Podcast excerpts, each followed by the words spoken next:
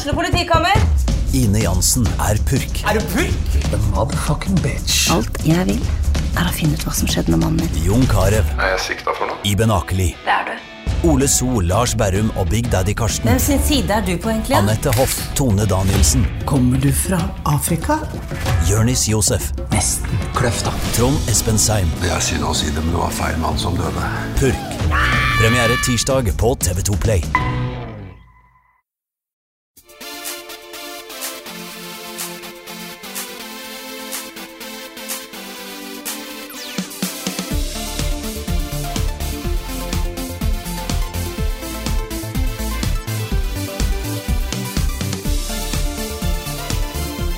Howdy, and welcome to a new episode of Level Backup with me, the Dan. Nei, det er fortsatt meg, Karl Martin Oksnes, og med meg har jeg som vanlig Rune Fjell Olsen og Niklas Halvorsen. Ikke som vanlig, men uh, som vanlig de siste par ukene.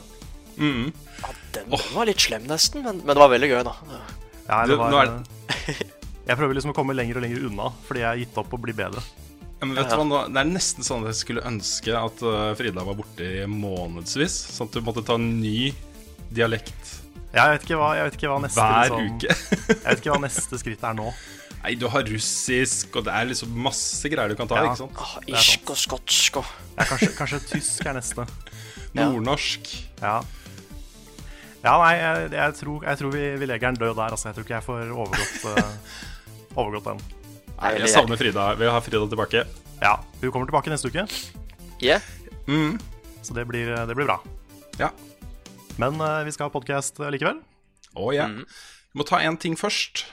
Fordi um, av og til så gjør vi jo ting i den virkelige verden, ute i IRL, liksom. Vi sitter ikke bare foran uh, PC-en vår med Discord og sånt, men vi er ute, møter hverandre blant folk og sånt. Og Ja, til helgen, på søndag, skal vi på Desicon. Uh, vi skal ha et eh, panel. Jeg lurer på, Vi har ikke snakka om det, Karl, men jeg lurer litt på om kanskje vi skal lage en sånn eh, spesialepisode av podkasten der. Eh, Snakke med litt folk ute, og så snakke litt med de i panel og Ja, det kan, sånn. det kan vi, kan vi se på. Ikke sant? Eh, Men det er i hvert fall søndag klokka kvart på tre. Så er det panel med oss eh, på Desicon eh, på Norges varemesse på Lillestrøm, er det ikke det? Jo, stemmer. Ja.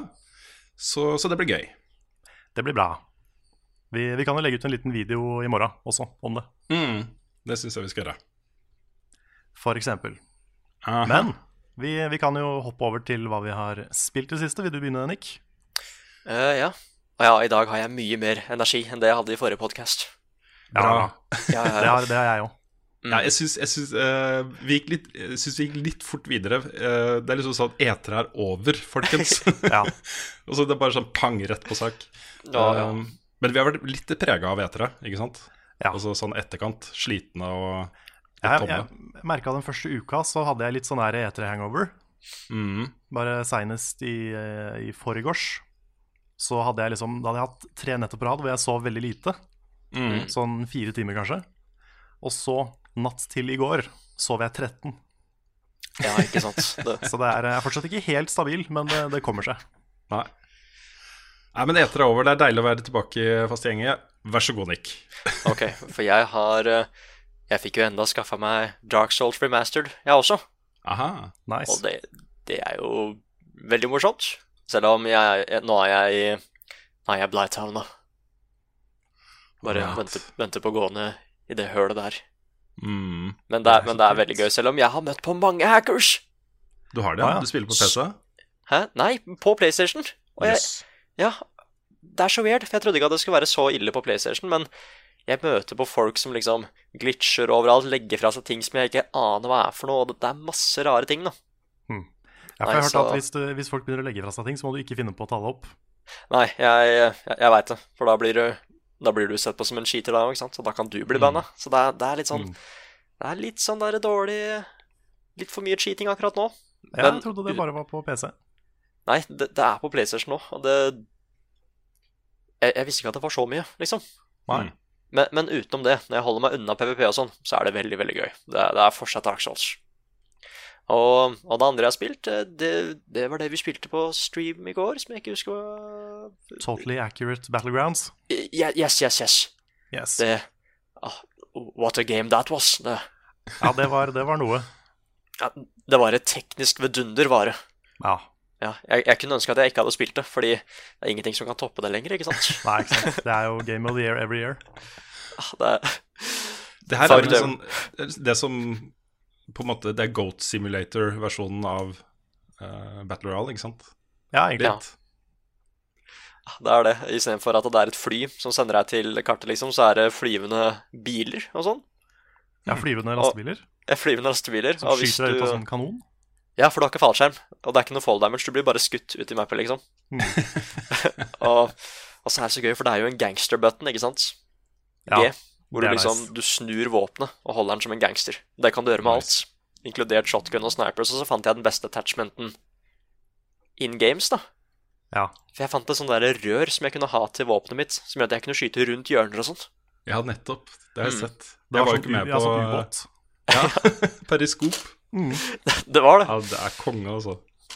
Nei, det Litt buggy, men, men det var veldig morsomt. Det var det.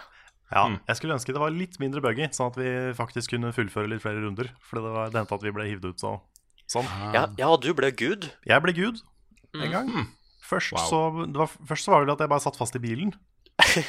Og så prøvde jeg å komme ut av bilen, men det gikk ikke.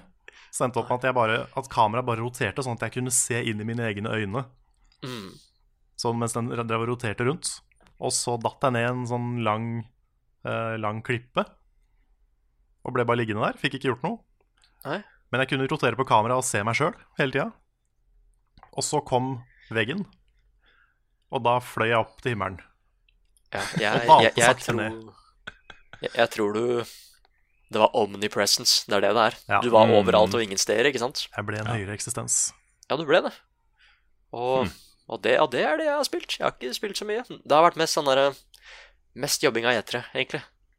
Ja, du kom med en video nå som, eh, hvor du anmelder Etere 2018. Den skal være ute nå, idet podkasten er ute. Mm. Nice. Yeah. Så, så, så det, så det. Det er konge. Jeg gleder meg til å se, Nick. Ja, det, Du er så flink til å finne bare hente fram de øyeblikkene som, eh, som eh, er kule å se igjen. Eller som man har missa eller har glemt, eller Mm. Altså er det så gøy, fordi jeg, jeg kunne faktisk snakke ordentlig bra om P PC Gaming Show denne gangen. mm. Det, det, det likte jeg. Det, det er en flott overraskelse, det, altså. Mm. Men Det er gøy å se at vi- de har lært. Ja. Men jeg føler ikke, det er sikkert fordi det var så seint på kvelden, men jeg føler ikke at vi, at vi gjorde nok ut av han der veldig blide Doom-fyren. Som, eh, som sto og gliste liksom kontinuerlig. Og så når han først fikk prate, så var det Are you ready for hell on earth? det var kjempemorsomt. Ja, han så ut som det som faktisk er en typisk metal-dude. Um, tattiser og langt hår og Du, Nei, jeg du tror kan ikke, se jeg tror ikke du tenker på han. Å nei, ok, er det en annen? Jeg tenker på han, eh, han som sto og gliste. Så ut som han var som klassebilde. Å ja, han, ja. ikke han, okay, ikke han Rage-fyren. Nei, det var Rage-fyren, det, selvfølgelig. Ja, han også var veldig morsom. Mm. Nei, ok, da blanda jeg. Men det er, nei, det er good times. Det er bra vi fikk noen Mm. sånne artige øyeblikk i år òg. Ja, Det er ikke etter uten det. Ja, det er sant. Introen på Ubisoft-pressekonferansen, da. Ja, ja. Herlig. Fett. Nei, men eh, Rune, har du spilt Ja. noe spennende i det siste? Ja, Det jeg har spilt mest, skal jeg ikke snakke om. Det der får dere følge med i eh, Soulmates-serien vår neste uke. Jeg tenkte jeg skulle snakke litt om, eh, om mine Dark Souls 3-eventyr eh, når vi møtes på fredag, for å spille mer. Yes. Um, uh, men jeg kan bare nevne at jeg er i New Game Plus 2 nå. New Oi. Game Plus Plus. Plus. Ja. Greit. Det, det jeg har eh, spilt som er nytt, og som ikke er Fromsoft, er et norsk spill fra Henchman and Goon som heter Pode. Eh, Ja. Det lanser, lanseres i dag, tror jeg, torsdag, um, på Switch. Uh, og det er Jeg har gleda meg veldig til å spille det, fordi eh, det er et co-op-spill for to spillere. Du kan spille alene, eh, men det er liksom aller, aller best i co-op. Og Der gjorde jeg et lite eksperiment, fordi jeg har jo to barn som er glad i å spille.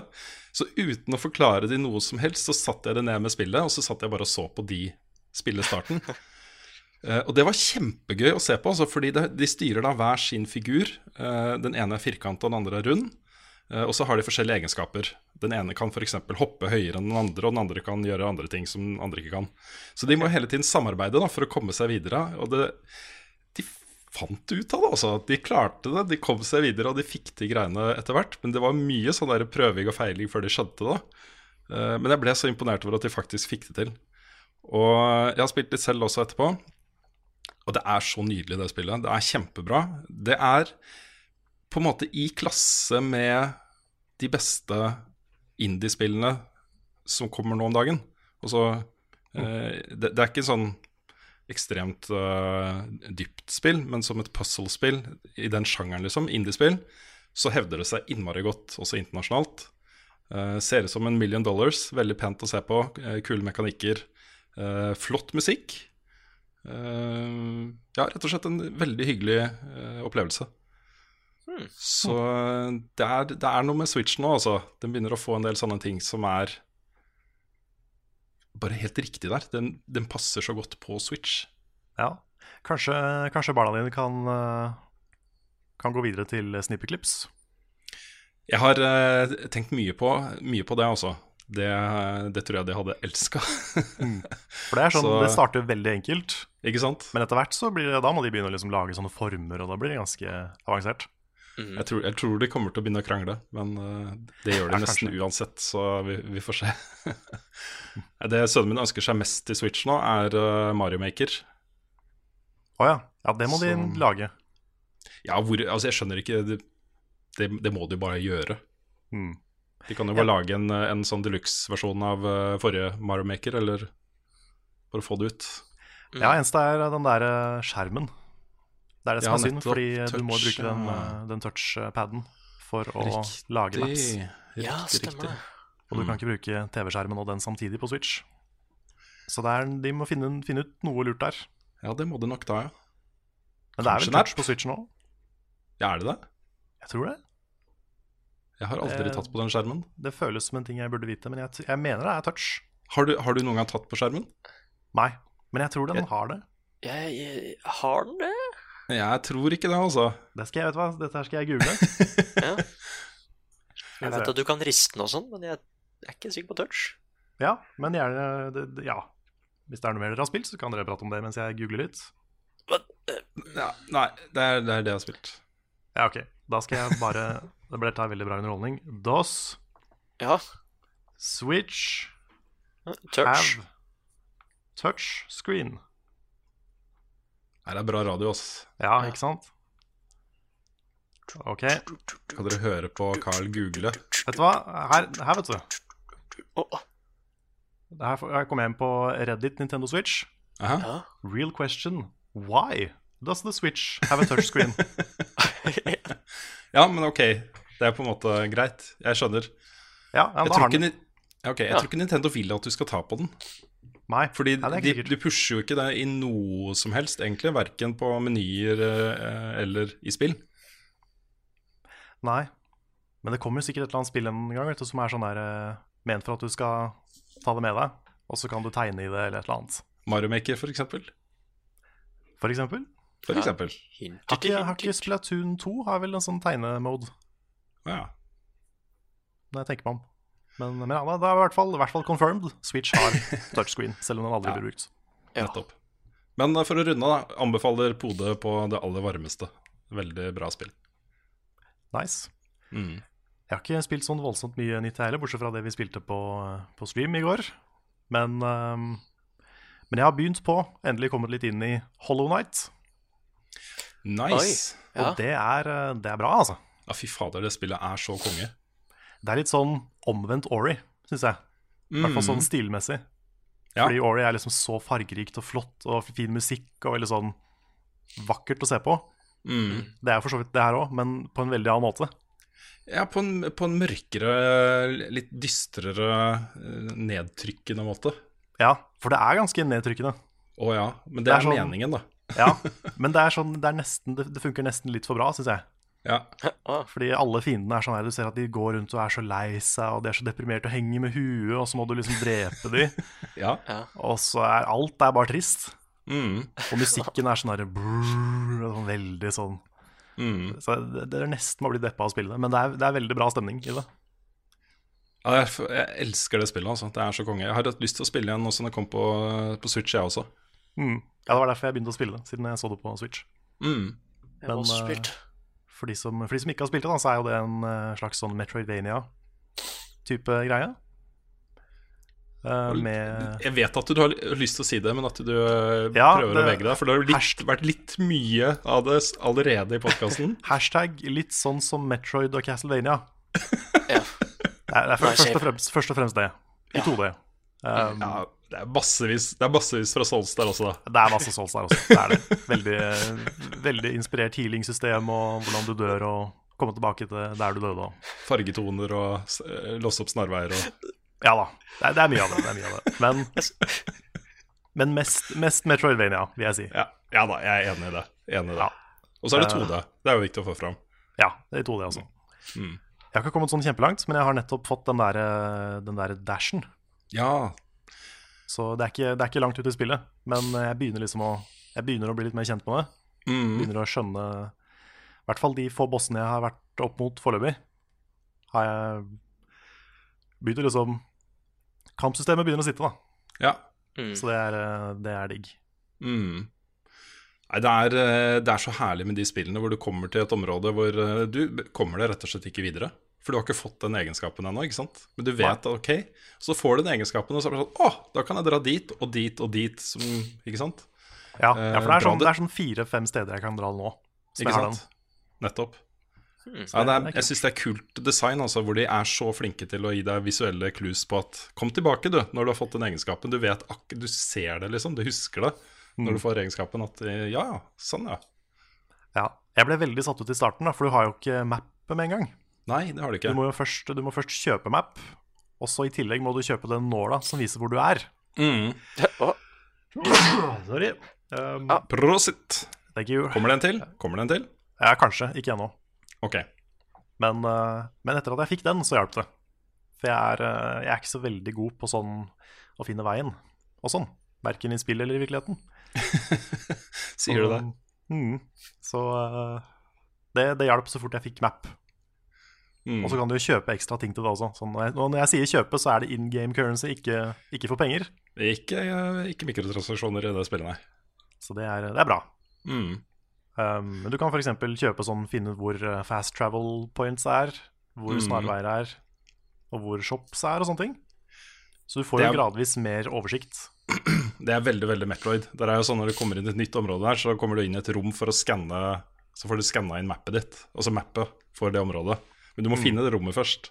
Og her må du finne han duden som uh, tusler rundt i disse miljøene. Stemmer. Ja, så det, det gleder jeg meg til å få spilt mer. Mm. Så det er stort sett meg. Ja, Skal vi ta en liten vignett og hoppe over på nyheter? let's do it. Og jeg bare tulla, fordi det er ikke nyheter, det er ukens anbefaling. Og det er rakner fullstendig Frida er borte. Det bare rakner. Ja, ja, Rakner fullstendig. det gjør det. Bryter sammen.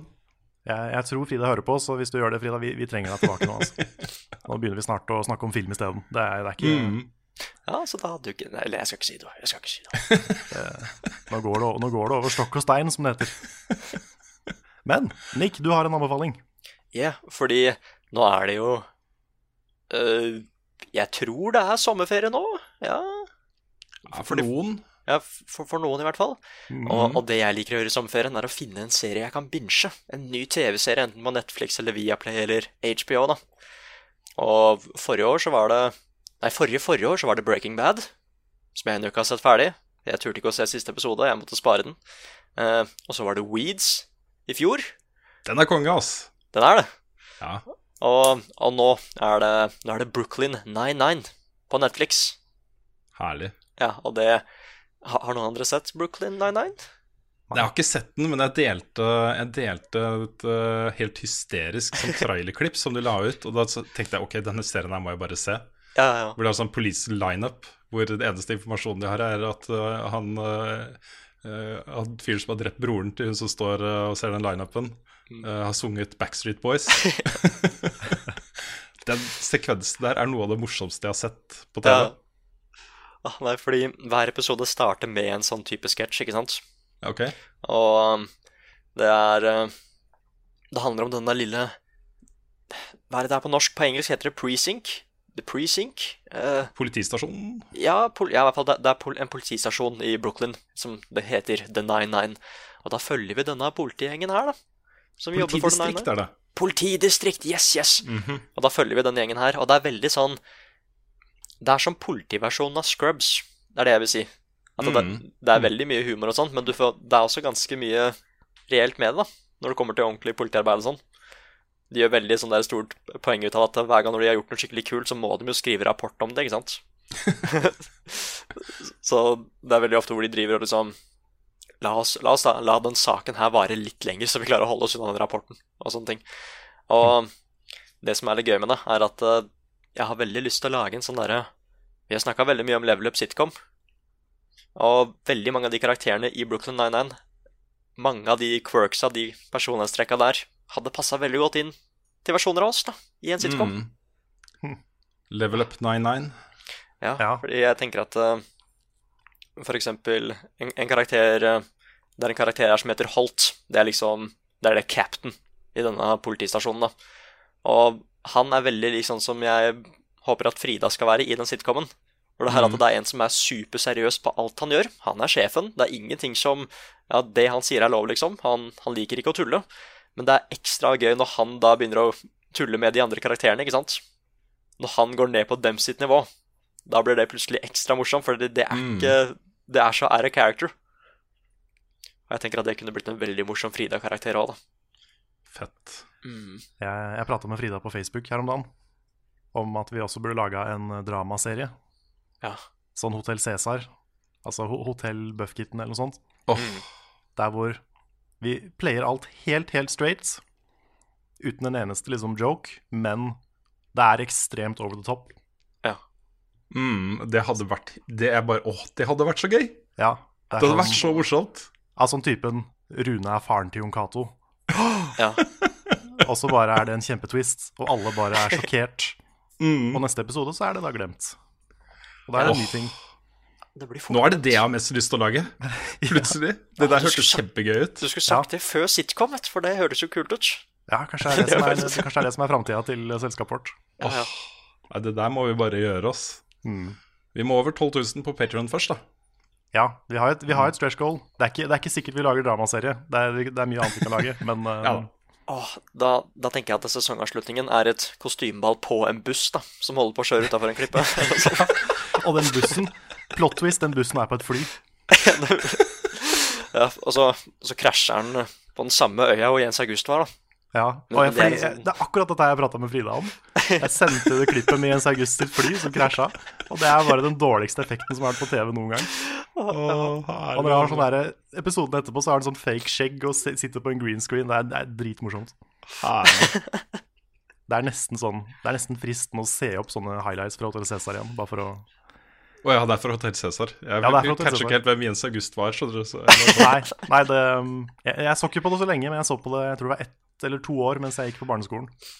Så Og det skjedde da, så mye på den så du da Jon Cato var med? Nei, det tror jeg ikke jeg har sett. Ja, det er sant! Ja, eller jeg har sett klippen i ettertid, men jeg tror ikke jeg så Ja, det er jeg altså Det er kult å ha på CV-en sin. Statist i Hotell Cæsar. Ja, ja. Ja, men det Det hadde jeg lett Lett vært med på. Mm. Nå er Fikk ikke jeg lov lenger, til, men- husker jeg. Fikk du ikke lov? Nei, for det var sånn herre uh, Vi uh, Det var Jeg husker ikke hvilken skole Hva var det jeg gikk på da?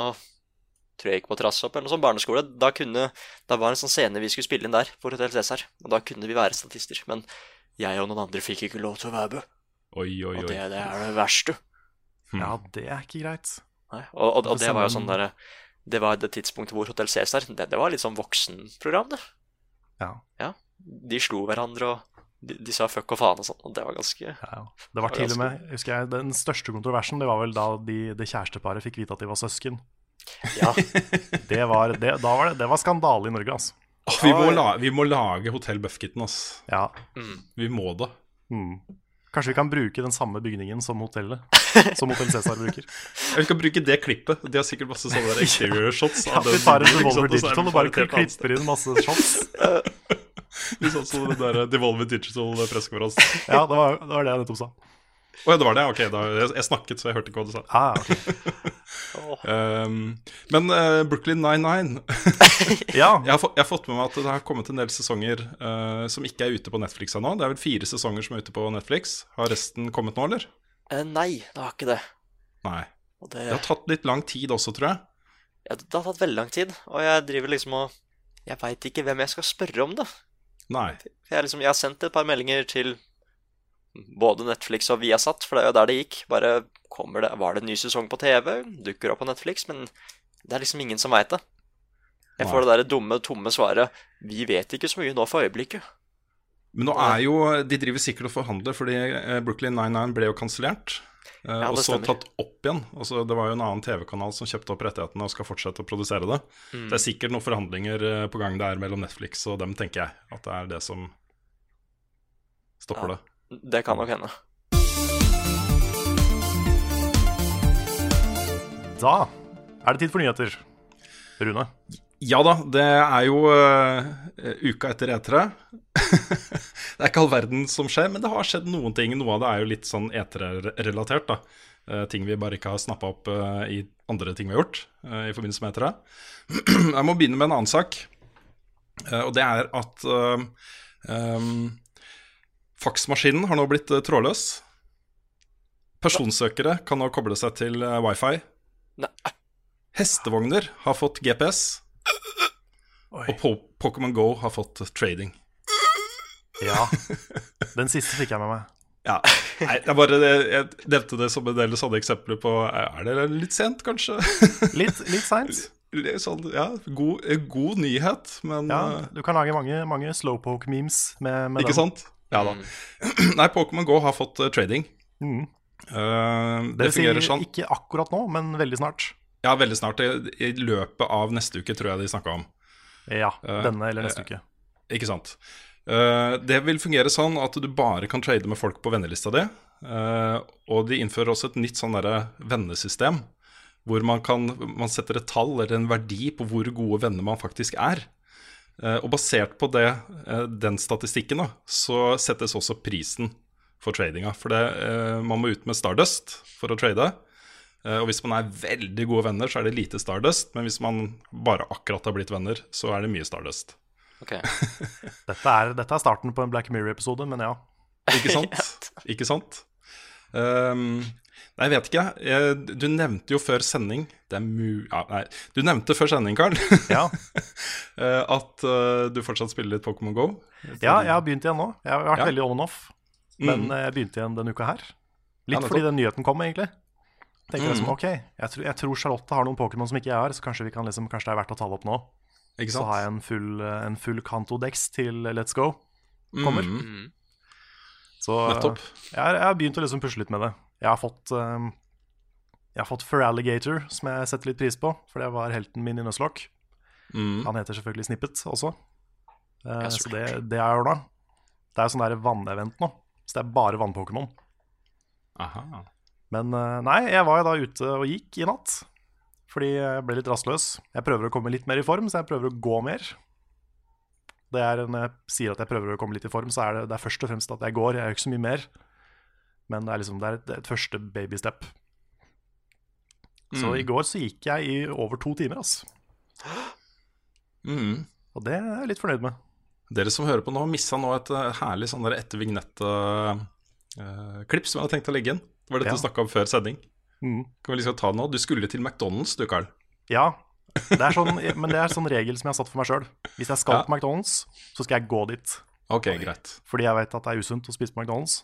Ja. Men kanskje jeg kan kompensere med å gå. Og faktisk Ja. bevege meg. Ja, Mm. It's logical. Yes, yes. Ja. Så, så i går så, så kunne jeg valgt å gå til nærmere McDonald's. Men jeg gjorde ikke det. Nei. Jeg gikk til den som var over en time unna. Ja. Så det, jeg var litt, var litt fornøyd, altså. Ja da, det er en eh, solid uh, gåtur. Uh, men den nyheten jeg får meg til å tenke liksom, Man har jo gått og spekulert litt, litt i at Niantic kanskje jobber med en Pokémon Go 2, også en ny, nytt spill. Nå tenker jeg at de kommer egentlig bare til å fortsette å oppdatere dette. her. Det er Plutselig så legger de inn et nytt grensesnitt og uh, endrer det, liksom. Bare utvikler det. Mm. Jeg, tror ikke det, jeg tror ikke det blir noe Pokémon Go 2, i hvert fall ikke på veldig lenge. Nei. Jeg tror de, de kommer nok til å gå gjennom alle generasjonene med Pokémon først. Mm. Og det er vel Er det åtte generasjoner nå, eller sju? Ja Et eller annet Ikke spør meg. Nei, Ikke spør meg. jeg mener det er sju. Jeg tror dette også det er sju. dette er sånt jeg burde vite, men jeg tror det er sju. Ja. Og de har vel bare kommet til tre i uh, Pokémon GO. Mm. Så det er fortsatt mye å, mye å legge til. Mm. Mange Pokémon å finne. Det er det. Telltale uh, jobber nå med et Stranger Things-spill. ja. Yeah. Også en serie, da, som er vanlig sikkert.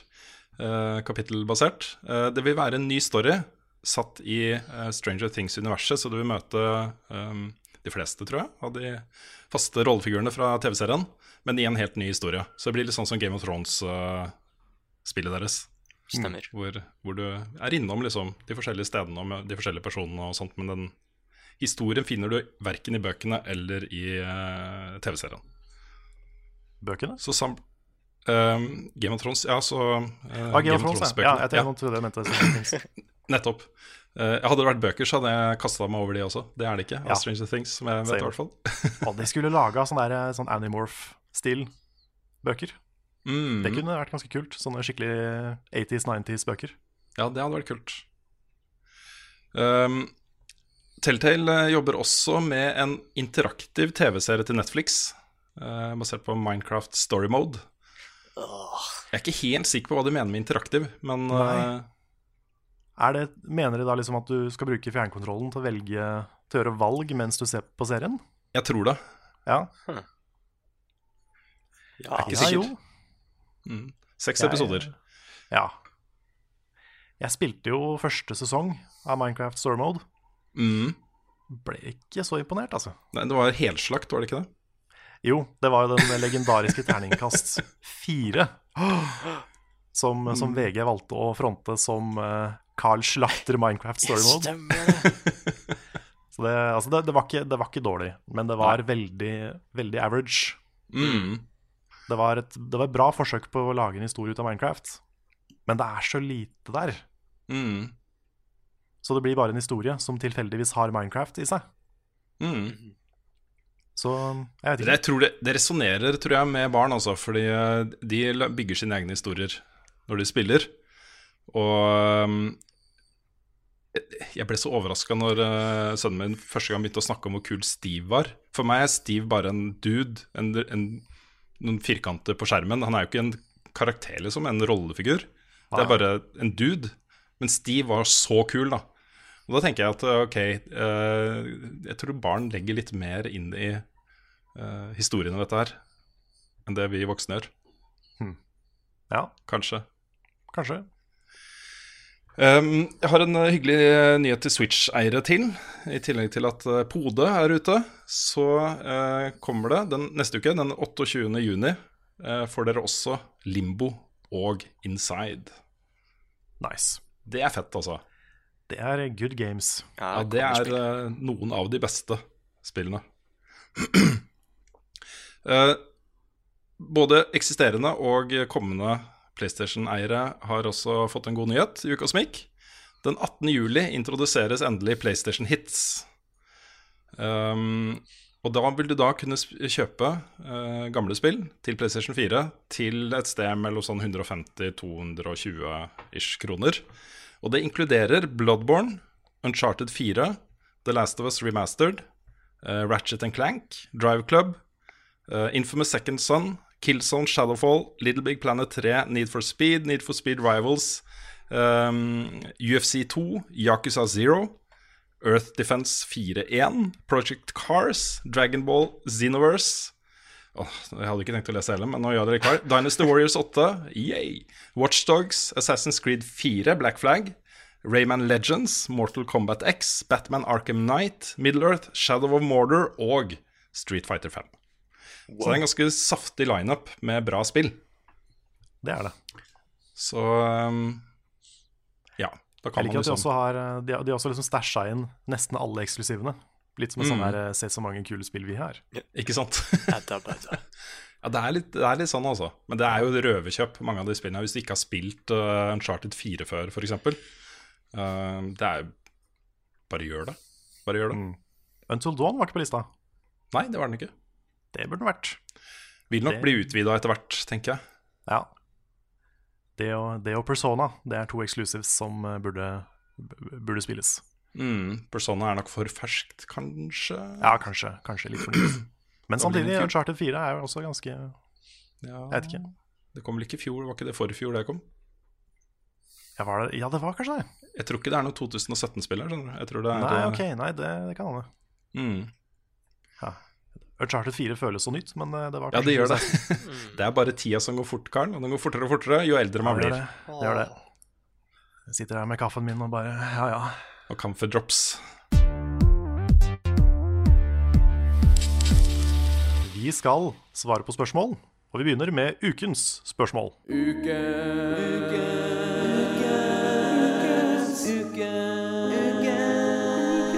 ukens spørsmål er fra Trond Sinfor Borgersen. Og han spør inntrykket mitt fra årets etere er at det hele var en gedigen CGI-fest, der så å si alle spill som ble presentert, har en CGI-trailer som blåser meg og oss av banen, og jeg blir fristet til å kjøpe spillet når det kommer. Men ville dere i Level Up heller ønsket en trailer med grafikken fra spillet, eller holder det med en CGI-trailer for å bli hypet uansett spillsjanger?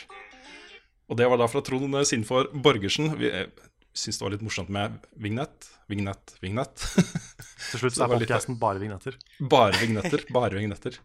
Uh, han er jo eh, såpass fast eh, spørsmålsstiller at uh, han til slutt fikk sin egen vignett, ukens Infor. Mm.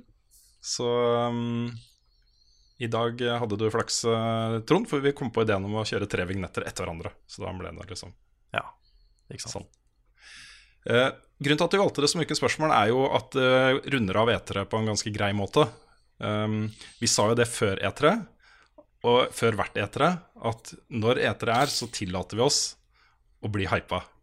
Og så, da, da sitter vi, og så bare har vi det fett, og så blir vi hypa. Uh, og så kommer jo liksom uh, Etter den uh, søte kløe kommer den sure svie, er det et uttrykk som heter. Det er ikke fullt så ille, men man, når alle de der hypeinntrykkene har lagt seg, så begynner man jo å komme litt mer inn til beina og så ser hva var det av faktisk verdi, ikke sant? Um, og det han sikter til, er jo at veldig mye av de feteste tingene som han ble hypa av på årets etere, er jo kanskje ikke engang representative for spillet. Og så bare utrolig fet video. Regissert fet video. Så um, har han et poeng? Ja, det syns jeg. Jeg. Jeg er litt sånn Jeg er litt todelt på det. Det kommer litt an på spillet. Mm. Um, jeg føler det er greit med en CG-trailer hvis Hvis spillet er veldig langt unna, og du først og fremst har lyst til å presentere et konsept, Mm. Mhm. f.eks. Beyond Good and Evil, så var det liksom Det var en kul story-trailer. Den viste på en måte settingen, litt hva man kan forvente av uh, hvor, det, hvor det spillet går, da. Mm. Og eh, også en kul character introduction på, på Jade. Ikke sant? Men uh, det er jo generelt best å se gameplay. Det er jo det som er representativt for spillet. Jeg har et sånt forhold til den type trailere som, eh, som er sånn at jeg ser det mer som kortfilmer. Og så Hvis det er en fet video, så er det bare det er det det er. Det er en fet video. Uh, og jeg bruker ikke den videoen til å hype meg opp for faktiske, fa- det faktiske spillet. Eh, så jeg er helt uinteressert i sånn live action-trailere for spill, f.eks. Ok, Hvis det er bra laga, en kul regissør og en kul story og morsomt å se på, og sånt, så ser jeg den og koser meg, liksom. Men jeg tenker at den representerer ikke spillet. Det er noe annet. ikke sant? Og det gjelder jo disse trailerne her også. Eh, Beyond Good Evil 2 er et godt eksempel. Det var ingen av oss som Jo, kanskje var det noen av oss som hadde det på lista si. Ja, det husker jeg ikke. For da. Jeg tror Nei. det var en honorable mention. Ja, det kan hende. Også, dette er jo et spill som jeg gleder meg veldig til. Men um, jeg, kan, jeg kan ikke liksom være med på å hype det opp før jeg ser, ser det i aksjon, hvis du skjønner hva jeg mener. Fordi det er noe av det feteste CG-greiene jeg har sett. Det var dritstilig trailer. En utrolig kul video uh, som setter liksom stemninga for, uh, for spillet. Men uh, det er langt unna. De snakker om at første beta kanskje blir på slutten av neste år. Så, så det er liksom innmari langt unna. Vi vet jo ikke noe om spillet ennå. Eh, På den andre siden av eh, den skalaen så har du jo eh, Cyberpunk 2077. som avslutta Microsoft-pressekonferansen med en helt fantastisk kongetrailer in engine. da.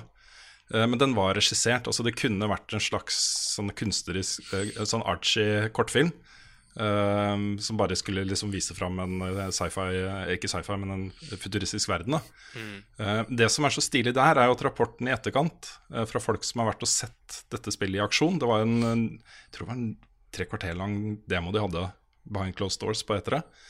De sier jo at den traileren representerer spillet. Altså, De sier at det var eh, Det å faktisk spille det var som å være i den verden du så på den sterkt regisserte traileren. Da, Er og da spennende. blir det noe annet igjen. For Ja. da, ikke sant, den traileren bare bygde verden. Og så satt jeg inn i eh, hva slags verden dette var snakk om.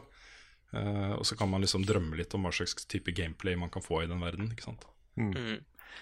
Ja, det er også var det sånn Jeg skulle, skulle ønske de, de viste litt mer av selve spillet, fordi at det f.eks. var førsteperson.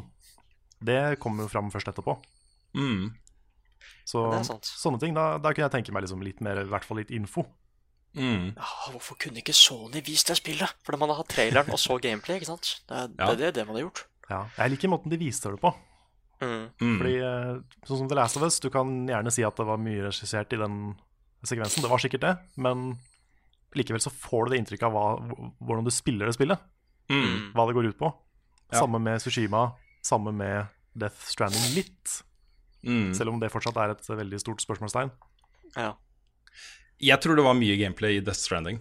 Ja, det tror jeg òg, men, jeg- men jeg vet ikke om det er liksom Om hele Hele gameplayet går ut på at du skal gå med masse svære kofferter og Det er mange som sier at det er en hiking, en supernatural hiking simulator. Det er sånn, Det er sånn, Nei, jeg det tror det, det vi blir vet mye, da. ikke, vet fortsatt ikke hva det er. Jeg tror det er lange lange strekk i det spillet hvor du skal gå. Bare gå. Ja, Mm. ja det er nok.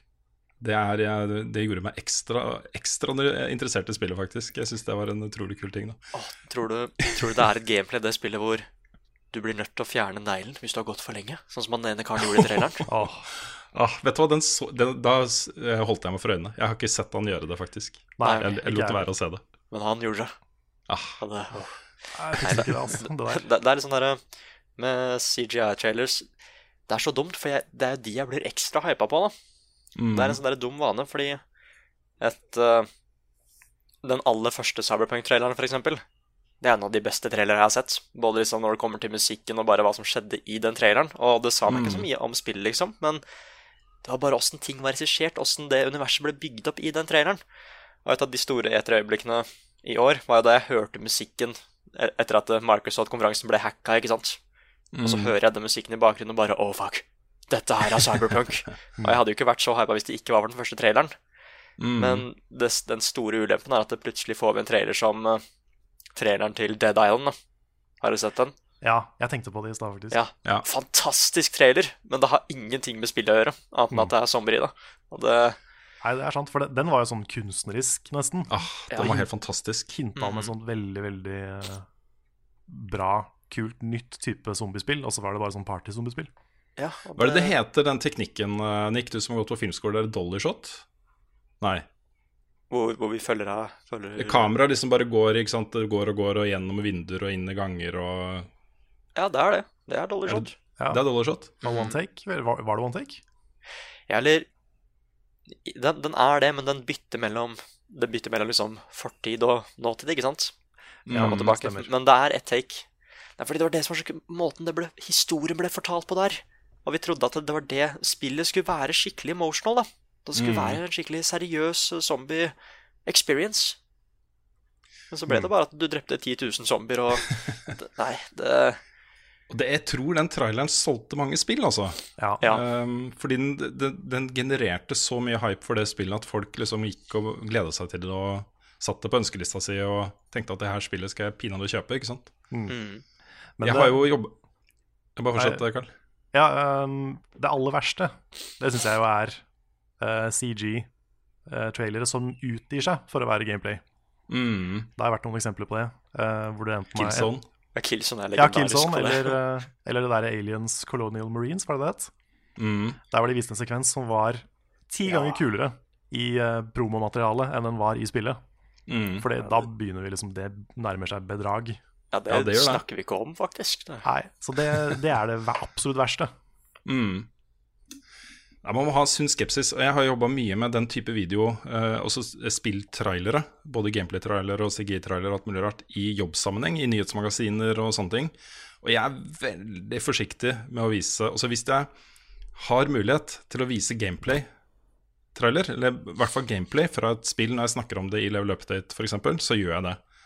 Um, jeg bruker kun CGI-trailere og sånne teaser-trailere og sånt når det ikke er noe annen video å vise. Og det er jo rett og slett fordi um, de er ofte litt villedende. Og det er, de er PR. Ren PR. Ikke det at ikke gameplay-trailere er også, for de velger ut kule sekvenser og sånne ting, men da får du i hvert fall et visst inntrykk av hva spillet faktisk er, da. Uh, og så blir man jo arrestert hvis man ikke har eh, samme grafikk i videoen som det er i spillet, f.eks. Så får du jo høre det. Var det, ikke, var det ikke Arkham Knight som hadde speeda opp gameplayet i traileren? Altså at de hadde, de hadde ikke. spilt inn i halvparten av hastigheten, og så speeda det opp for å få høyere framerates i videoen. Oi. Oi, det har jeg ikke hørt om. Det er ikke kult, ass. Det er ikke, ikke det er ikke kult. Nei, men jeg tror liksom eh, Konklusjonen på spørsmålet så er det å ha sunn skepsis til disse CGI-trailerne. Det er lov å bli litt hypa på de. um, Ja, se, Men- se på de som en konsepttrailer, fra- først og ikke fremst. sant? Ja. Konseptskisser det er i samme skala som konseptskisser og sånne ting, liksom. Mm. Det, er, eh, det er det der. Når, uh, jeg, jeg tenker på sånne, sånne trailere som uh, Sekiro og Ori. da Det syns jeg er kult, for det, det er også Mm. veldig regissert og veldig kjapt. Men du får likevel et inntrykk av liksom, Mm. ok, kampsystemet er litt sånn, og settingen er sånn. Mm. Det går veldig fort, men du får likevel veldig mye info. Ja. Ja, det, det er, å, The New God of War kom jeg på nå. Ja, det er sant. Mm. Uh, Devil May Cry 5 også var en litt uh, interessant trailer uh, i den sammenheng, fordi der var det vanskelig å se liksom hva som var ren CGI, og hva som var basert på gameplay. da. Mm. Eh, Det var jo en CGI-trailer, men den skulle jo liksom gi inntrykk av gameplay også, følte jeg. Men det, det Ja, var, det, var det noe gameplay, da? Nei, du så han slåss. Eh, og jeg tenker at de moves han hadde og sånne ting, er nok Bør i hvert fall være relevant. Altså, det bør være sånne moves du har da Mm. uh, i spillet. Men uh, ja, jeg vet ikke. Jeg, jeg kan si at det, det var ganske mye gameplay der. Men det gikk veldig fort. Mm. Sånn skikkelig, skikkelig fort. Mm. Mm.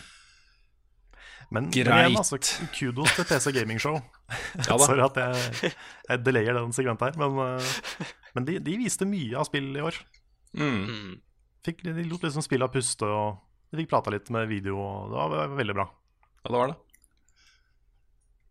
Det var ålreit. Men det er jo, eh, jeg ser det er mange rundt omkring på nettet som uh, syns Microsofts pressekonferanse var så bra. Eh, på E3 og kåra det til beste pressekonferanse og sånne ting. Vi gjorde ikke det. Vi, eh, vi var jo i Sony-leiren. Men det er litt sånn unisont, tror jeg, i redaksjonen vår at vi foretrekker eh, litt sånn solide gameplay-visninger av spill. Hvor du får se en solid chunk av gameplay og får et ordentlig inntrykk av det, og man ikke prøver å eh, blende oss da med eh, tøffe trailer og eh, kul CGI, liksom.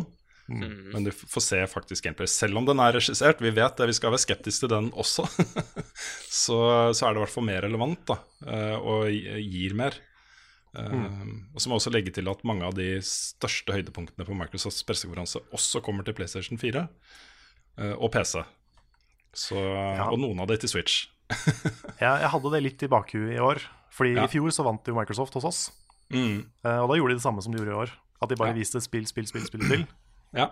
Uh, uten å gå så mye inn på hvert av de. Uh, så det funka jo for, for oss i fjor. Mm. Men jeg vet ikke, det er kanskje fordi de gjorde det samme i år, og vi er litt mer bevisst på åssen året ble.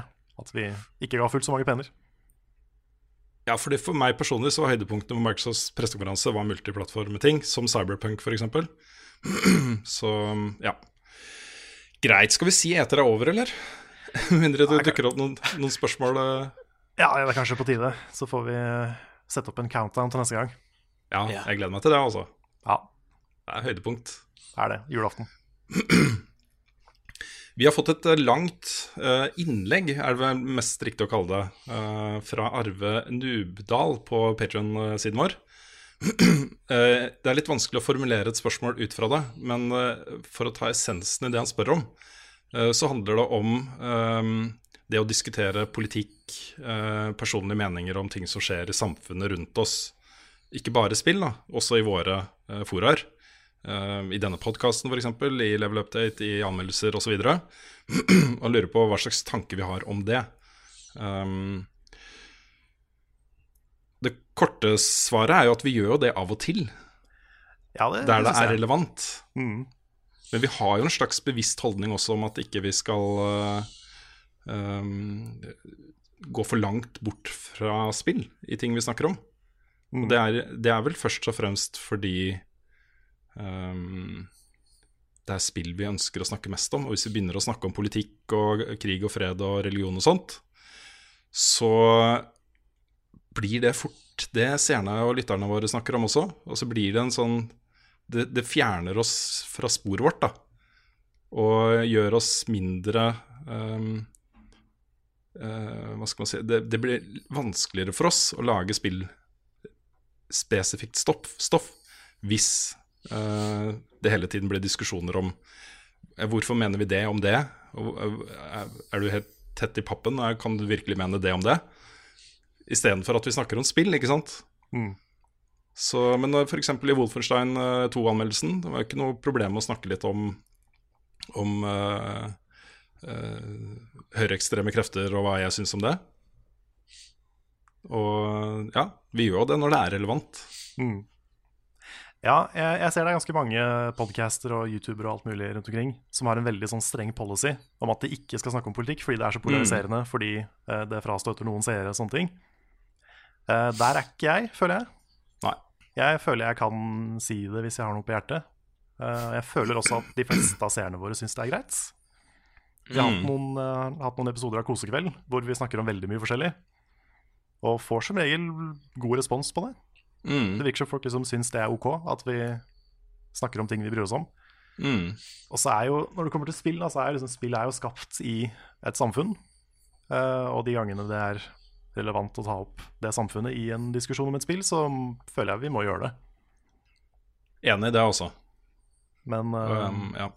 Men ja, vi skal ikke, det- skal, ikke bli en liksom rein politikkpodkast eller noe sånt. Um, men eh, jeg vet ikke, noen ganger så føles det riktig å ta det opp.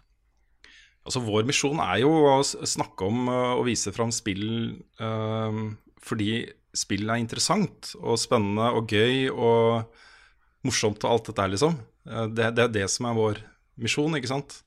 Um, hvis vi, uh, da Gamergate-greiene kom opp f.eks., hadde brukt uke etter uke på å, å snakke om dette her, så hadde vi hadde blitt fullstendig spora av. Det hadde blitt vanskelig å komme inn på det sporet igjen. Fordi det hadde bare blitt diskusjoner om det, ikke sant. Um, men jeg skrev en kommentar om Gamergate, og vi har snakka om det i podkasten, og vi har liksom gjort ting. Men så legger vi den litt død og går videre. Fordi fokuset vårt er uh, spillmedie, ikke sant. Ja, jeg, jeg føler vi liksom jeg føler vi, jeg føler vi gikk nok inn på det. Jeg føler vi kommenterte det ganske mange ganger. Det er, for, ganske- det er grenser for mange på- forskjellige måter du kan si en mening på, liksom. Ja, si nei. Ikke sant? Ja. Ja. For det, det var jo veldig stort, og det var liksom umulig å komme unna da det holdt på. Mm. Eh, men der, der følte jeg at vi sa fra. Eh, og noen likte ikke det, men det får, sånn får det bare være. Mm. Men så er det også litt sånn at uh, uh, vi er jo ikke bare level up. Vi er Carl og Nick og Rune og Frida Svendsen og Lars, liksom. Mm. Som har meninger om ting. Og det er Det er ikke Det er ikke feil av oss å være subjektive og personlige innimellom heller. Uh, og det er vi når det føles riktig. Når det, er? Når det kommer naturlig. Mm. Men uh, vi kan ikke sette oss ned og Nå skal vi være personlige, folkens. det blir litt sånn, ikke sant? Nei, det, er, det er en balanse Ja. mellom, mellom alt. Jeg føler sånn Mm. For min egen del så er det sånn det den delen av politikken som jeg føler jeg liksom kan ting om, og som jeg er mest engasjert i, det handler jo om liksom hvordan man behandler mennesker, f.eks. Mm. Og det er en side av det som jeg føler det er greit å snakke om. Helt enig. Det er sånn jeg, jeg, jeg kommer ikke til å begynne å Ja, jeg vet ikke. Ku- Kunne kommet på mange eksempler, men jeg føler liksom det det er viktig å snakke om. Selv om vi er en spillpodkast, så er det sånn der det er relevant, så har jeg ikke lyst til å holde det tilbake heller. Nei, så for å si det sånn, hvis, eh, hvis norske myndigheter hadde tatt fra de to, tre, fire år gamle barna til eh, flyktninger som kommer ulovlig til landet, og satt de i, eh, bak gitter uten mulighet til å være sammen med foreldrene sine, da hadde vi snakka om det. Ja. hver, hver uke til de hadde slutta med det. Mm. Det er liksom uh, Ja. Og det er sånn, Nå er ikke vi store profilerte personligheter i Norge, uh, nødvendigvis, men det handler litt om å bruke den lille, den lille plattformen man har, til å si noe som man føler er viktig. Mm. Mm. Selv om det kanskje ikke alltid er 100% på tema. Og det, Yes. det er jeg veldig glad for at vi har muligheten til å gjøre. Jeg synes Mm. eh, vi, får, vi får ikke så mye pepper for det som vi kunne gjort. Nei, det er helt, det er helt eh, sant, Karl. Kanskje vi skulle tatt en, uh, tatt en uh, egen, egen podkast en gang. Spør oss, spør oss om, politikk og religion og krig og fred og sånn. Bare det, og så får vi det ut av verden. Alt sammen. alle, alle våre meninger om alt mulig rart. og så bare kjører vi på, liksom. Ja, ja. For det mest eh, toxic kommentarfeltet i hele Norge.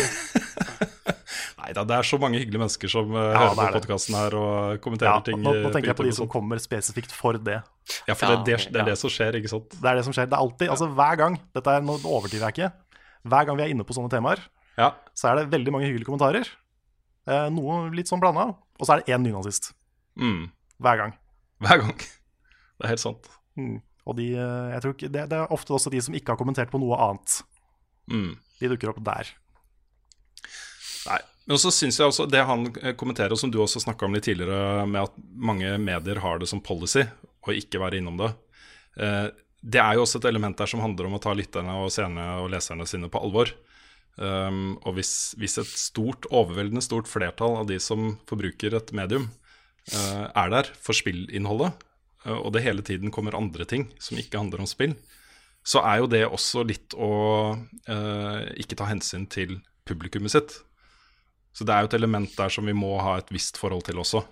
Um, selv om det kanskje ikke er uh, like etablert og viktig for oss som i en del andre redaksjoner, så er det jo et moment i hvert fall som er relevant. Ja. Og så har jeg litt, litt sympati med de som uh, f.eks. hører på vår podkast for å slippe litt unna store samfunnsspørsmål og problemer og sånn. Jeg, jeg ser den. Yep. Um, samtidig så føles det feil å liksom ignorere det hvis det er viktig og relevant. Mm. Så det er en sånn balansegang der. Ja. Yes, jeg vet ikke om vi dekka temaet godt nok, men vi har i hvert fall vært innom det. Ja, det er et godt spørsmål. Mm. Eh, Jeg tenker veldig mye på det, sånn hvor, hvor den balansen burde ligge.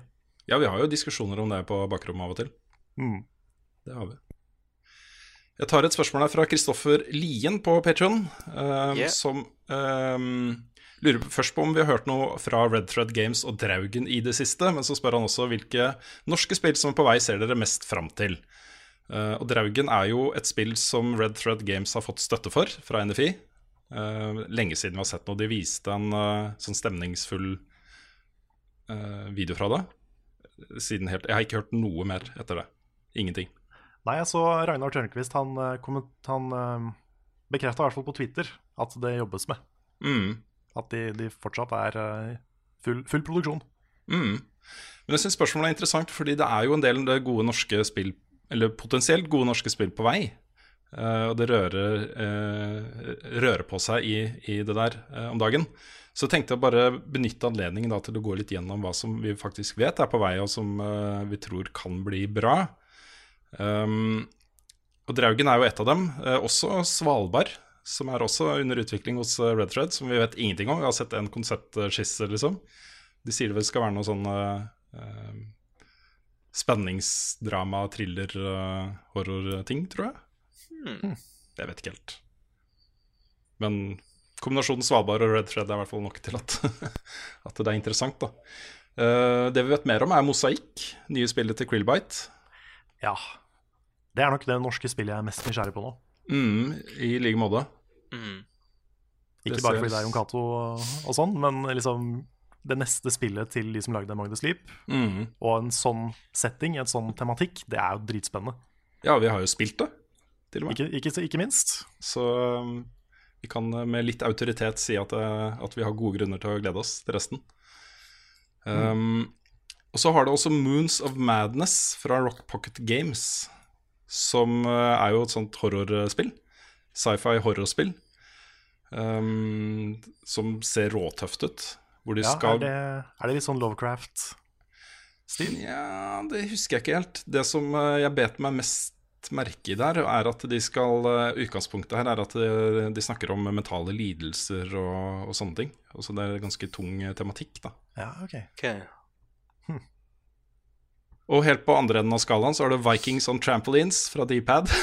Yes, det har vi også spilt. Mange ganger. Flere ganger. Ja, ja. For mange år siden, til og med. Dette var jo koseprosjektet til D-pad mens de, mens de jobba med Alboy. Så utvikla de liksom på siden av et lite konsept hvor eh, du har svære, tjukke vikinger som hopper på trampoliner. Så målet er jo å skyte de ut av eh, banen, ikke sant? Ved å treffe de. Og nå har det blitt et ordentlig spill. Ja, det skal bli ordentlig spill. De har fått støtte fra NFI, og det skal komme ut. Jeg syns det er så fett også at det neste spillet til uh, de, uh, uh, teamet bak Alboy er Vikings on Trampolines. Det er en veldig kul ting. Det er det. Og så er jeg spent på hvor mye de har lagt til. Mm. Fordi vi spilte det jo for i hvert fall fire år siden. Og da var det jo allerede bra nok til å kunne blitt gitt ut. Kjempegøy. Morsomt. Veldig rendyrka. Mm. Så jeg er, jeg er spent på hva mer de har gjort med det. Åh, jeg har lyst til å customize min egen viking. Ja, Og så eh, med klær og hjelmer og utstyr, liksom. Og skjegg og Lootboxes.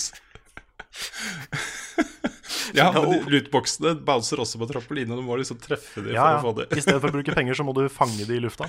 Ikke sant? Ja, da Nei, Jeg vet ikke hvor mye det kommer til å gjøre med konseptet, altså, fordi det er allerede liksom bortimot perfekt. Eh, og jo mer du gjør med det, jo lengre bort fra det perfekte eh, kan du komme, da. Uh, potensielt. Så ja. Jeg gleder meg. Det er sånn ordentlig kosespill, altså. Mm. Underholdning. Uh, så har du et spill som heter Mørkeredd fra Hypergames. Det ser dritbra ut. Hvor du er i en veldig veldig mørk verden. Det er litt sånn stilisert sort-hvitt-verden.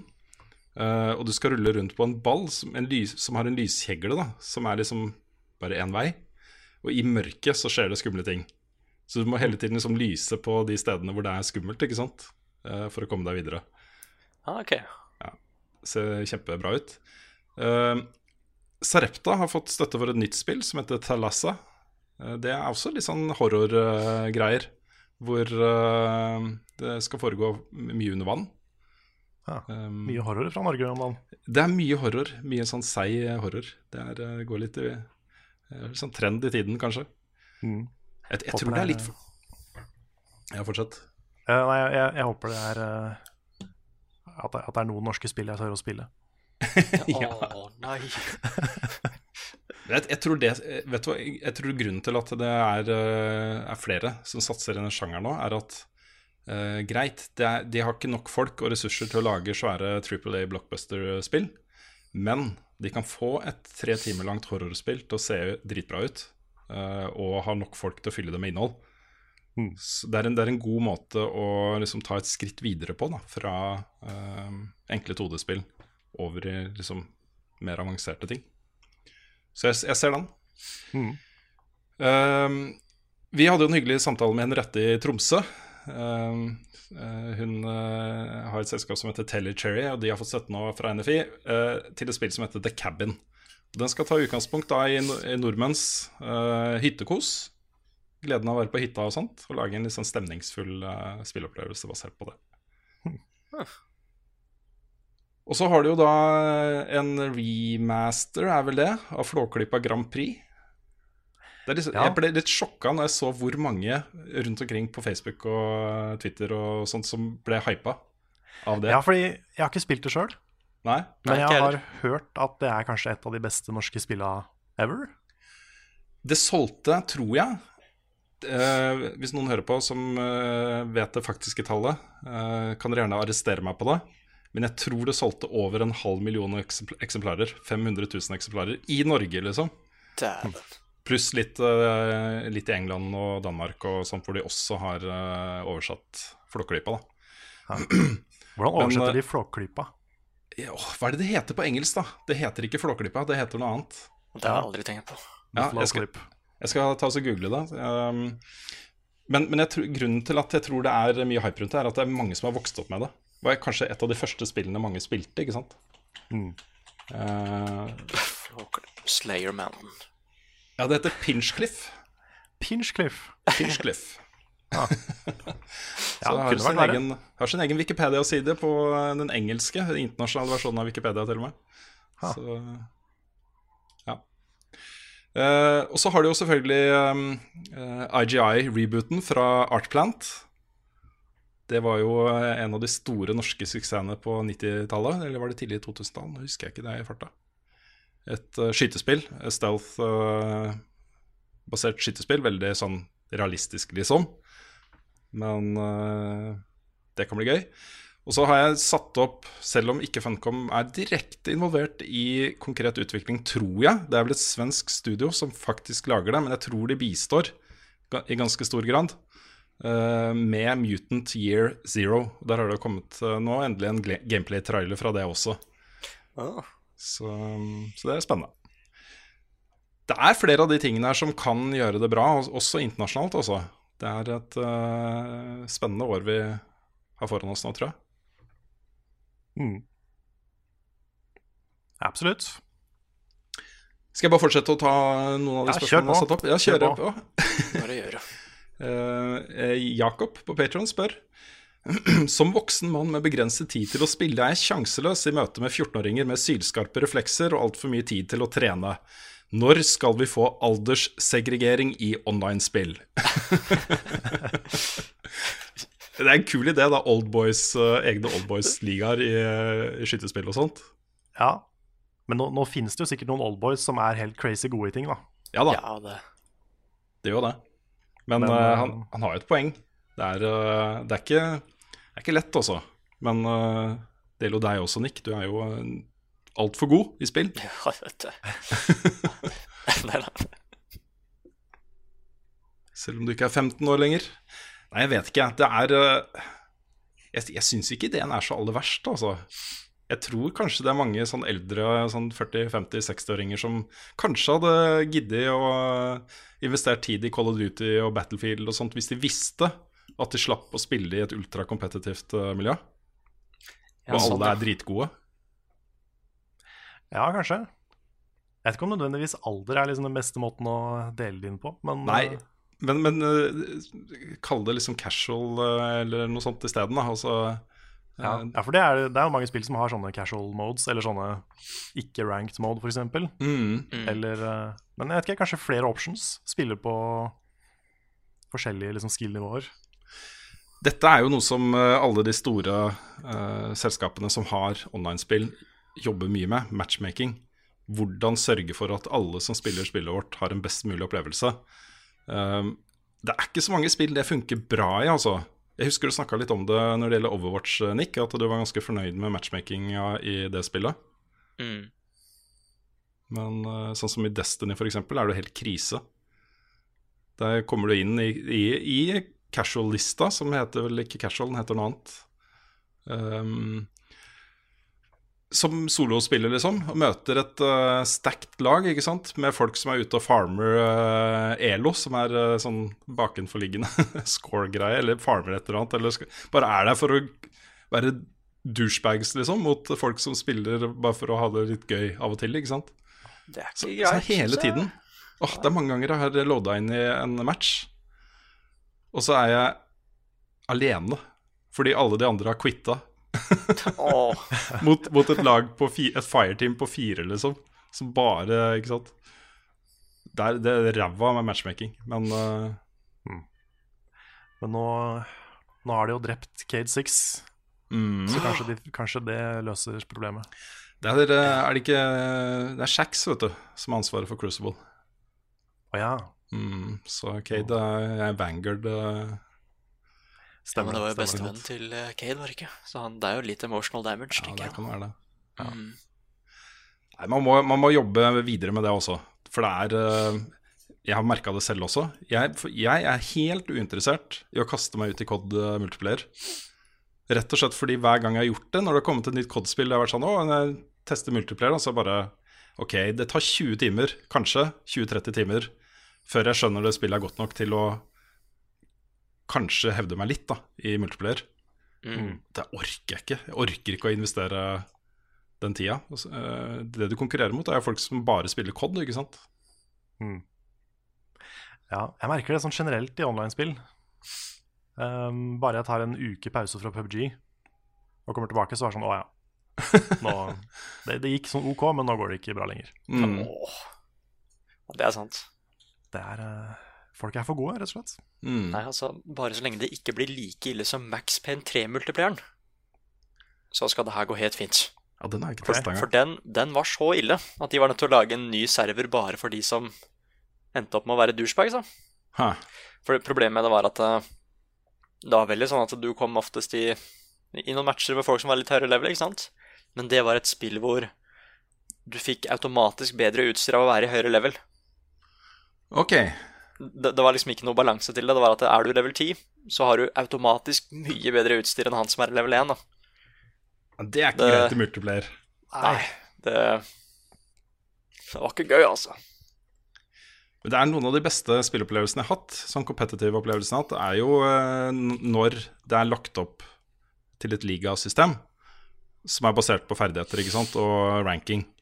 Eh, Så jeg har spilt uh, ligaer i Europa mot andre europeiske lag uh, via Clanbase i lavere divisjoner, ikke sant.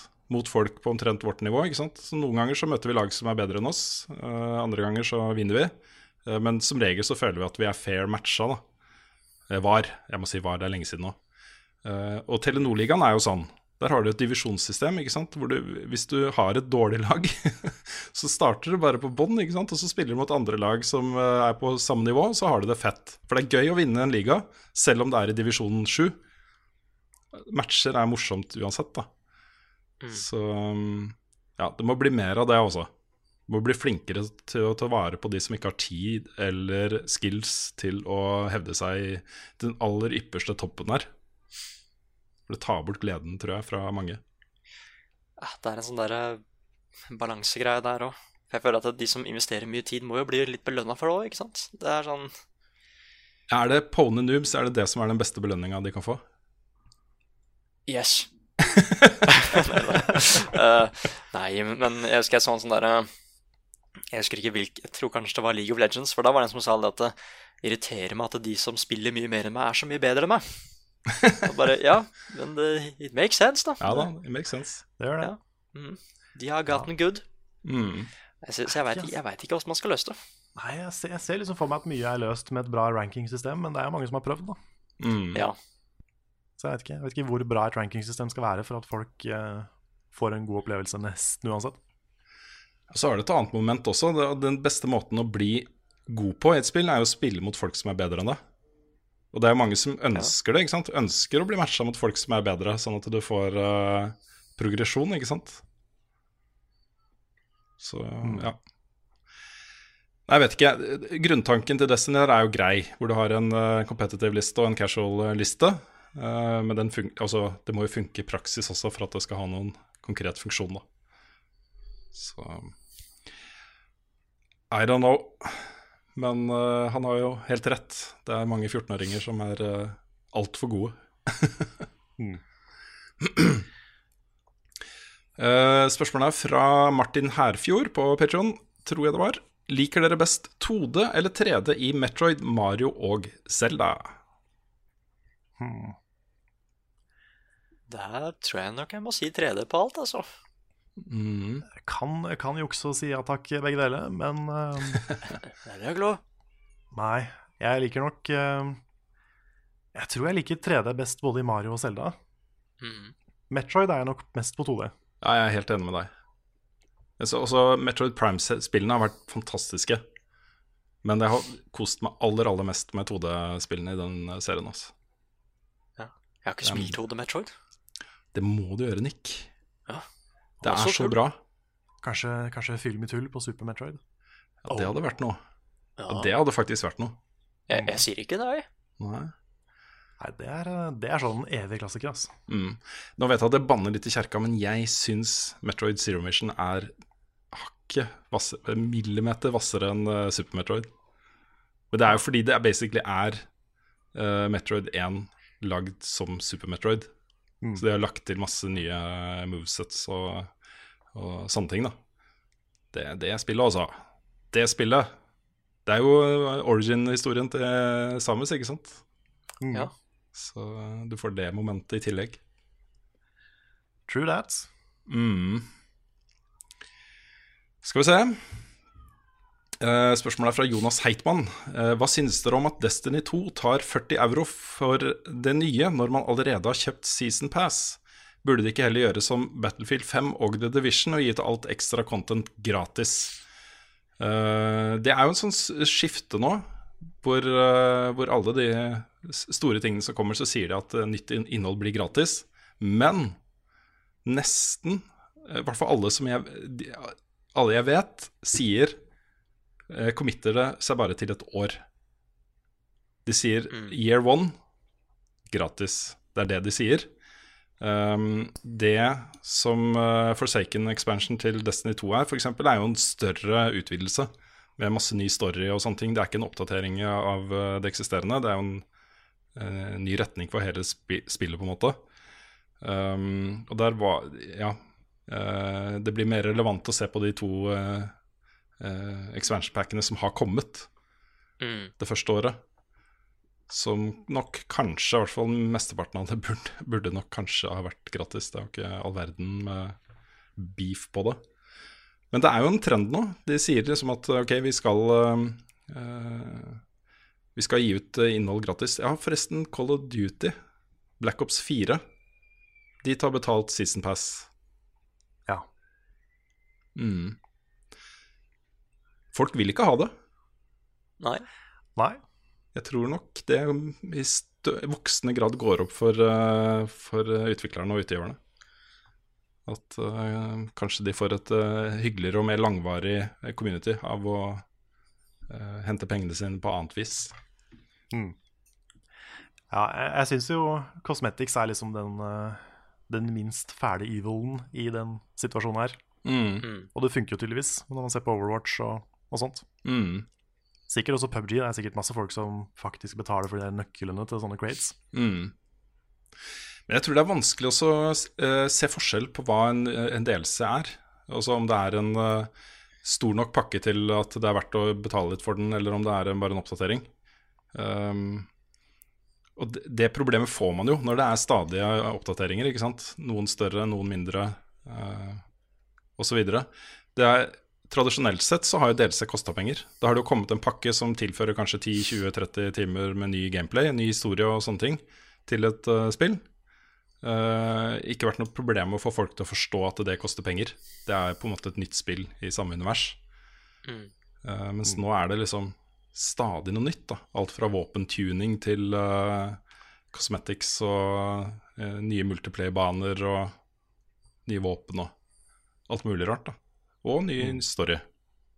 Mm. Så Jeg vet ikke. Jeg, grunntanken min, eller grunnholdningen min til akkurat det, er at hvis du spiller et spill hver dag, eller i hvert fall opptil flere ganger i uka, over lang tid, så er det ikke så rart at summen blir høyere enn uh, et spill du blir ferdig med på 10-20-30 timer, og aldri spiller igjen. Det er på en måte Det koster litt å opprettholde og vedlikeholde disse tingene også. Mm. Det er sant. Ja. Jeg er spent på om, eh, om subscription kommer tilbake. Mm. For det er jo Final Fantasy 14 er jo det. Og der kommer det stadig content patches som er ganske svære. Mm. Jeg tror grunnen til, at det, grunnen til at folk har gått bort fra det, det er at da, er det, da forplikter de seg til å oppdatere det hver måned Mm. med nye ting, ikke sant? For du kan ikke betale eh, måned, månedsavgift i tre måneder uten at det kommer noe nytt. Nei, det er sant. I hvert fall, i hvert fall hvis du er caught up, liksom. Mm, Hvis du ikke har noe mer å gjøre. ikke sant? Så ja. Nei, jeg vet, jeg vet ikke. Jeg, jeg har ikke noe problem med at uh, Forsaken koster penger. Det har jeg ikke. Det er, eh, det, men det, det har jeg også en forventning om at den skal gi meg noe substantial, også noe ordentlig. Noe som er verdt penger, ikke sant? Nei, ikke sant. Og hvis det ikke er det, så blir du jo sur og grinete og klager eh, på det. Med god grunn, da.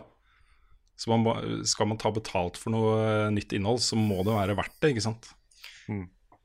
Ja, så skjønner jeg at det, jeg, jeg blir ikke så veldig imponert når Battlefield sier at det ikke skal være season pass til de nye dealsene som er der, for det er oftest bare nye kart og sånn. Det er jo det, ikke sant? Ja, men hvis, hvis Studio Red hadde sagt det, til enten Witcher eller Cyberpunk, da hadde det kanskje vært noe annet. Mm. For der føler jeg at det, da hadde det vært litt slemt hvis jeg fikk så mye gratis. Mm. Dealsene til uh, Witcher, for eksempel. Ja, for de ga vel Ja. ut uh, Var det 16 uh, DLC-pakker som var av den type oppdateringer som man eh, forventer å få i online-spill? Og så eh, nye gestures og klær og sånn, den type ting, ikke sant? Og så to I sto- Witcher. Ja. Ja. Uh, du kunne, en av de var bare skjegg. Hår. Hår og skjegg. Mhm. um, og så ga det jo to store DLC-pakker som kosta penger. Ja. Som var nye Det var en ny historie. Det var det det var det, det var, liksom. Ja, Den siste Blood and Wine vant vel masse priser og greier. Mm. Så vidt jeg har skjønt. 30 timer med gameplay. Mm. Ja, Nei, men det, det- er jo altså sånn- spi nye spill, liksom. Mm. Ja, Betalte DLC-pakker, hvis de er store nok, det er ikke noe problem med. Sammen med liksom alle FromSoft-DLC-ene er jo ofte det beste med de spilla. Mm. Mm. Greit. Uh, vi kan begynne å tenke på å runde av her. Uh, et eh, litt morsomt spørsmål er fra Sigve Ruud Dankel. Uh, hvis dere kunne gitt ett tips til dere selv når dere var yngre, med all livserfaringen dere har nå, hva ville det vært? Oi. Oi. uh... Dette kan fort bli sånn deep and dark, men vi får ja, jeg, t- ja, jeg må tenke litt på det. Mm. Uh... Jeg tror jeg, jeg kan begynne, da, så kan dere tenke så lenge. Ja. Jeg tror min største, største livserfaring er bare Slapp av, det er ikke så farlig. det er ikke så farlig. Eh, Det er ikke så farlig hva folk tror om deg, eller uh, eh, hva- du liker, eller eh, hvem du er. Det er, det er ikke så farlig. Det, det ordner seg. Ja, det er nok det, er nok det ordner seg. Ja. ja. Uh, og kanskje spesielt hvis det var sånn ungdomsskolealder, så er det liksom ingen av de menneskene her kommer du til å kjenne om noen år. ja, det, Det ville vært et av mine store. Mm. Oh, that, I've been to some dark places. Jeg vet ikke hva jeg skal si. Det er sikkert den derre it, it gets better. Mm. Men hvis jeg skulle vært veldig spesifikt, så hadde jeg nok kanskje sagt at uh, ikke stress så mye med utdanning, kanskje. Oi For det var veldig sånn der, veldig sånn stor press på at uh, Nei, det, det, at det, det, er greit å liksom Gode karakterer er flott, det også, og det er greit å vite hva du har lyst til å jobbe med etter at du er ferdig med skole, men jeg husker det var det veldig store presset med å få Med å finne ut av hva du skal gjøre rett etter Mm. at du var ferdig med videregående og sånn, da. Ja. Og da begynner det å koste mye penger òg, da. Du, og Ja, du blir jeg hadde nok sagt at Hæ? Ja, du blir committa til et løp. Ja. Ja, du Mm. blir det. Så da hadde jeg sagt at eh, ikke start med noe med en gang. Bare, bare ta et friår, eller et eller annet sånt. Ja, Hvis du er usikker, i hvert fall. Det var et godt, uh, godt tips, eh, Nick. Ja, bare, For jeg husker at jeg sleit jo veldig med det, for bare jeg hadde lyst til å jobbe med spill. Men også film. Men også bilde. Og jeg, jeg visste liksom ikke hva jeg skulle gjøre. Men så dukka den superlinja opp som heter 3D film og spill på Noroff. Ja, det er jo konge. Ja, det, det var jo perfect. Så da fant jeg ut at eh, spill har jeg ikke lyst til å jobbe med, for det har jeg lyst til å spille selv. Og den 3D var veldig vanskelig, det òg, men det var ok. Men så, men så ble jeg liksom Så kom jeg ordentlig inn i filmproduksjon, og da bare fortsatte jeg der, da. Mm. Så jeg var sykt heldig der, men jeg husker den perioden, spesielt de siste årene på videregående, at du måtte ha det klart hva du hadde lyst til å jobbe med. Så hadde jeg sagt til meg selv at det er, det er ikke så stress. Du kan, du kan ta det opp når som helst hvis du har funnet det ut, ikke sant. Mm. Ta et friår. Have a sneaker. Folkehøyskole er eh, min store anbefaling der. Mm. Det, det var dritbra. Mm. Yes, det var det jeg hadde plukka ut av eh, spørsmål. Det er vel Ja, vi fikk, vi fikk inn et sånn siste spørsmål akkurat nå, Ok. Oi. Fra Jon Håkon Bergan Himle, som spør kommer det en bakomfilm om E3-dekningen. Og det tror jeg det gjør. Ja da. Ja, Ja, vi, må bare se over, eh, ja, vi må bare se over klippa, for jeg, jeg tror vi har nesten bare filma mens vi har vært og spist. Så det blir sånn der eh, lang matspesial. Ja, Jeg filma en del i studio, tror jeg. Eller i hvert fall noe. Noe i studio. Ok, det er bra. Ah, det hadde egentlig vært veldig gøy hvis hele E3 bakom-filmen er at vi spiser. Ja, ja, for det er liksom det er da vi husker på å lage bakomfilm. Vi Ja, det er da vi har tid til å lage bakomfilm sånn, også. ikke sant? Ja. Ja. Så det er sånn, nå er vi på McDonald's, og nå er vi der, og nå er vi der, og nå er vi der. Ja. Så det er bare sånn lang remse med mat. Mm, Så nei, men vi skal, vi skal prøve å få til noe der. det må vi. Det er jo ikke så lenge til vi uh, blir borte litt, eh, Rune. Nei, vi kommer til å ta oss uh, fri i juli. Jeg, jeg, kommer til å, jeg kommer nok til å jobbe litt. Jeg sier til kona at jeg ikke skal det. Så jeg tror alt jeg skal spille i juli, da må jeg bare si at eh, nei, det er bare fordi jeg har lyst til å spille. Det er bare kos. Ja. Men eh, jeg, er så, jeg er så gira på, eh, på No Man's Sky Next, som kommer 14. juli. Så jeg, jeg tror ikke jeg, jeg kunne snakke om at jeg skal vente til august med å spille det, for da er jeg tilbake på jobb. Nei, nei, altså jeg har aldri snakk om at man skal slutte å spille. Nei, ikke sant? Det er jo hobby i tillegg til jobb. Mm. det er sant. Så nei, det blir nok litt sånn småjobbing på meg òg. Ja. Men eh, det er, litt viktig å ha en sånn måned i året hvor man kan ta det litt rolig. Fordi vi har jo ikke Vi jobber jo i helger, og vi tar jo veldig sjelden fri. Helger og netter og kvelder og alt mulig rart. Ja da.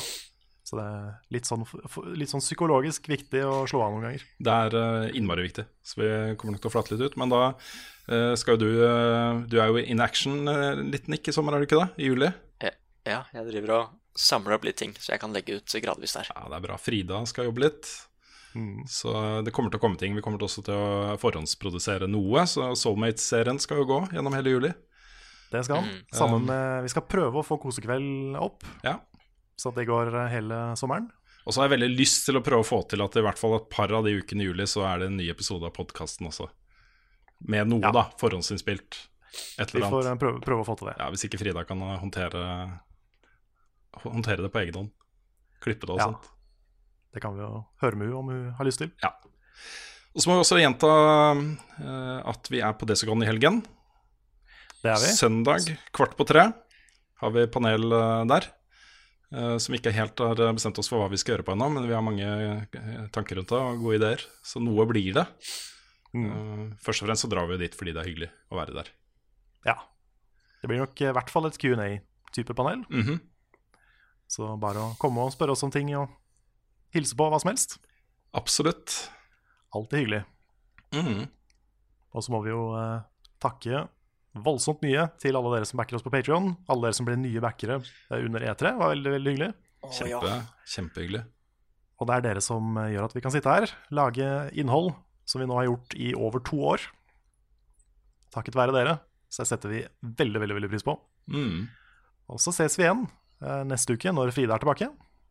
Det blir, det blir bra å få Frida tilbake. Det blir en eh, litt mer eh, vanlig podkast igjen. Det gjør det. Så eh, ja, er det noe mer vi skal si, eller skal vi si ha det for denne gang? Nei, vi kan si ha det. Ha det bra. Ha det. Ha det.